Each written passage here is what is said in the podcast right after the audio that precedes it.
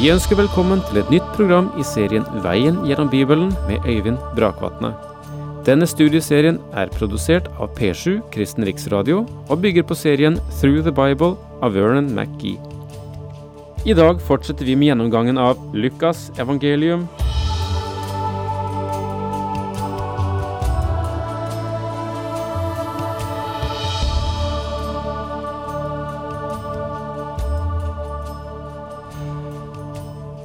Det passer kanskje ikke særlig med selve årstiden at vi nå går inn i det som fremfor alt er julekapitlet, nemlig Lukasevangeliets andre kapittel.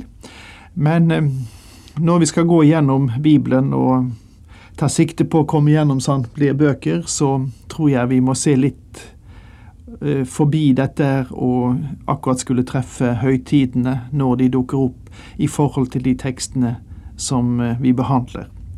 Så det kan nesten være litt spennende å behandle Lukas 2 inn på vårparten når du er i, også i påsketiden, eh, og dermed egentlig får skjøvet sammen eh, dette, dette veldige drama, både som angår hans fødsel og hans død og oppstandelse. Så eh, jeg bare sier at vi må gå på Lukas evangeliets andre kapittel, og det er det vi skal begynne på i dag. Men la meg bare rekapitulere og si at uh, Lukas er en usedvanlig stilist. Jeg har en um, usedvanlig sans for iakttagelse, sikkert delvis stimulert av at han var lege, og gjennom det så um, så er de opplysningene han gir, eh, mer detaljert eh, beskrevet enn eh, i de fleste tilfeller du møter det i de andre evangeliene. Han eh, har et eh, glimrende gresk og eh, har mye sang i sitt evangelium. Og han har flere lignelser fortalt enn noen av de andre evangelistene. Så det er denne Lukas som fremdeles skriver, og hans, en av hans hovedkilder må ha vært Maria. Og så kapittel to. Og her kjenner vi jo til at eh, opplegget for dette kapittelet er Jesu fødsel i en stall i Betlehem.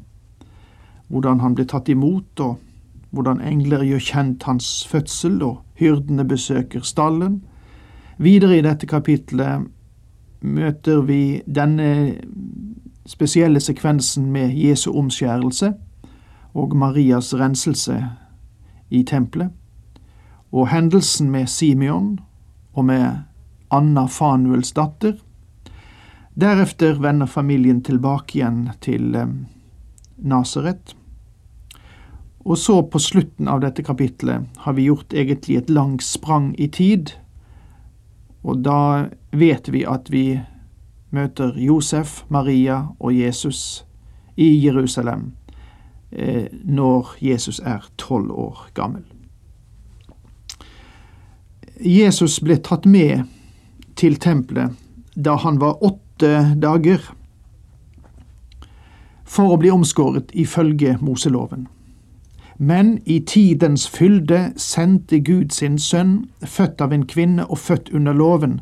Han skulle kjøpe dem fri som sto under loven, så vi kunne få barnekår, står det i Galaterne 4, 4-5. Som et resultat av dette besøket i Jerusalem har vi nedtegnet Simeons og Annas sanger. Og igjen her møter vi sang, ikke sant? Denne ene isolerte hendelsen fra Jesu guttedager er det bare Lukas som tar med for å la oss forstå at Jesus hadde en normal barndom. Eh, se eksempel vers 52.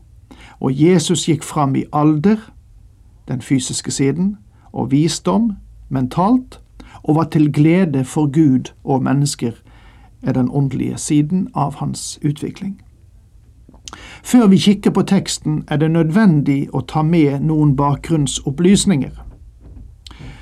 Om du kanskje vil huske det, så er Lukasevangeliet historisk veloverveid og skrevet spesielt for grekerne og det tenkende mennesket. Det var også en stor åndelig hensikt eh, bak dette evangeliet, nemlig å presentere Guds sønn. En har sagt det slik de tre histor store historiske tradisjonene måtte alle gi sitt, hver på sin spesielle måte, for å forberede jorden så at kristendommen kunne plantes.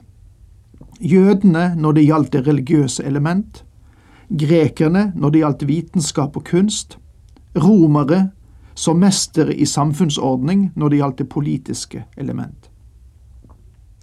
Hver av evangeliene, Matteus, Markus og Lukas, var rettet til et bestemt lag av folkene. Matteus ble skrevet til jødene, Markus ble skrevet til romerne, og Lukas ble skrevet til grekerne. Eh, Dr. Gregory skrev i sin bok 'Nøkkel til evangeliet' Grekerne skiller seg klart fra de andre store folkeslag gjennom distinkte trekk. De representerte tanke og humanitet i den antikke verden. De så på seg selv som å ha til oppgave å fullkommengjøre mennesket. Legg merke til det. De så på seg selv som har til oppgave å fullkommengjøre mennesket. De var datidens verdens borgere, kosmopolitter med et litt vanskelig ord.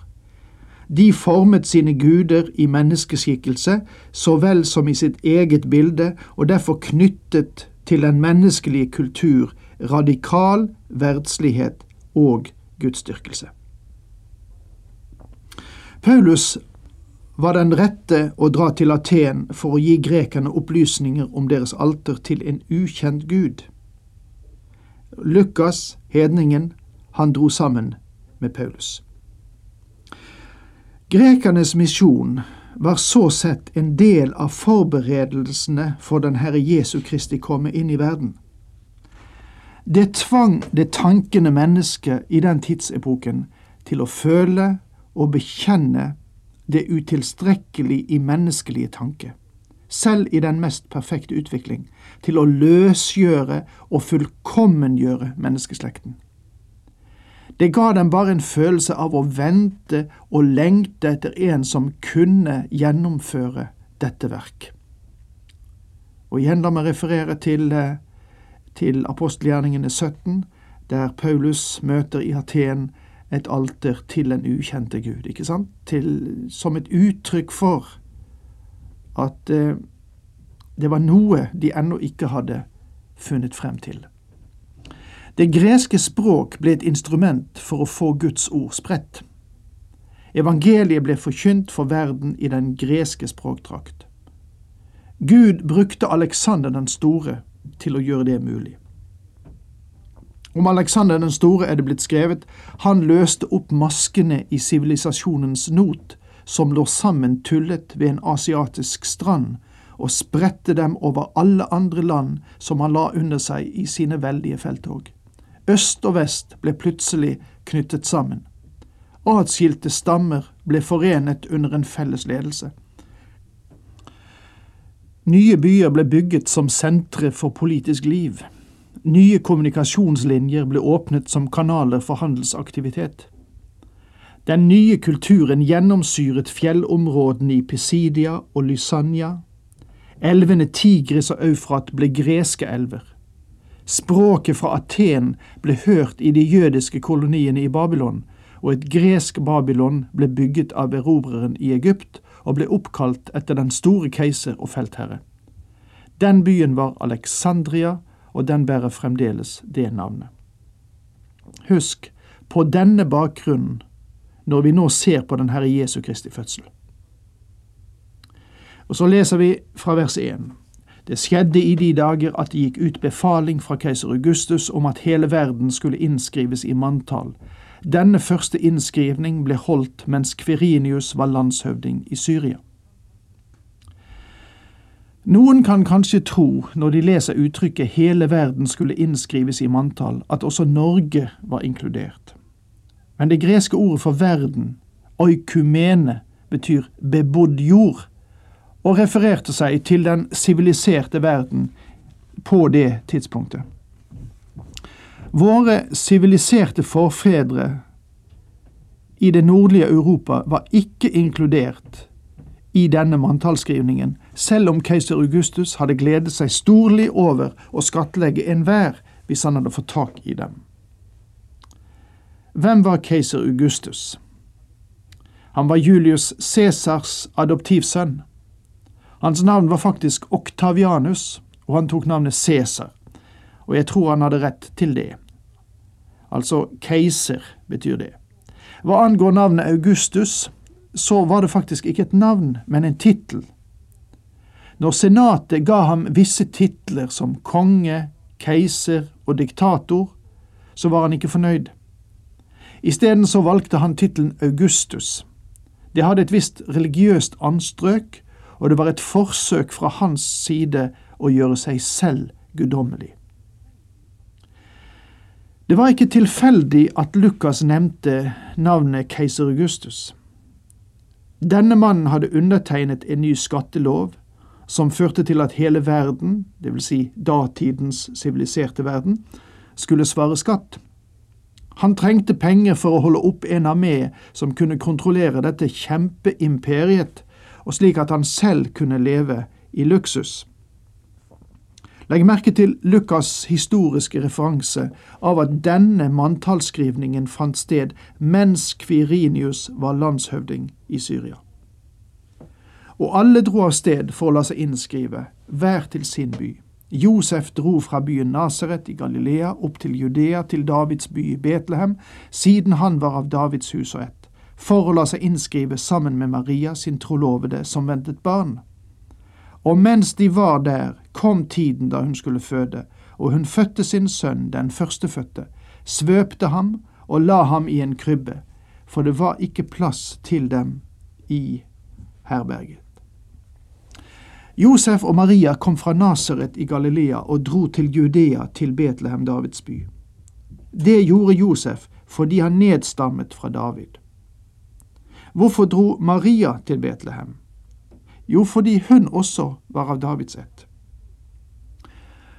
Jeg blir alltid begeistret når jeg leser denne enkle, historisk nøyaktige del av Guds ord, som samtidig har en så fortettet åndelig sannhet som bakgrunn. Keiser Augustus hadde forsøkt å gjøre seg selv til Gud. Han ønsket å bli tilbedt.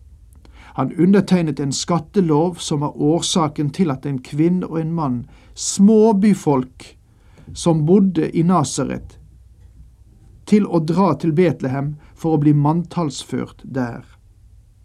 Denne kvinnen bar i seg Guds sønn. Det er helt utrolig.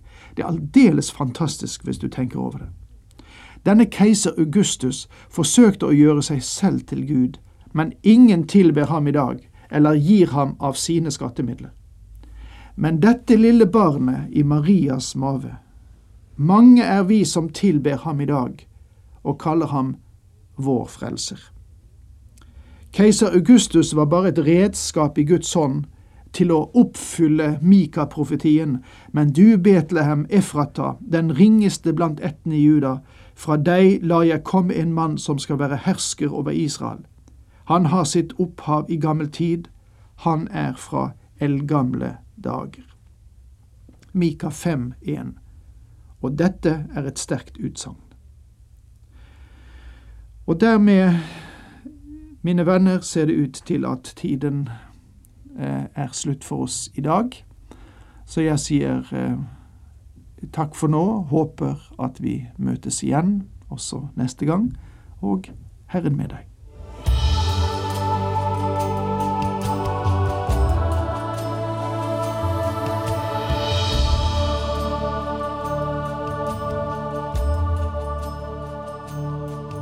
Du hørte Øyvind Brakvatne i studieserien Veien gjennom Bibelen.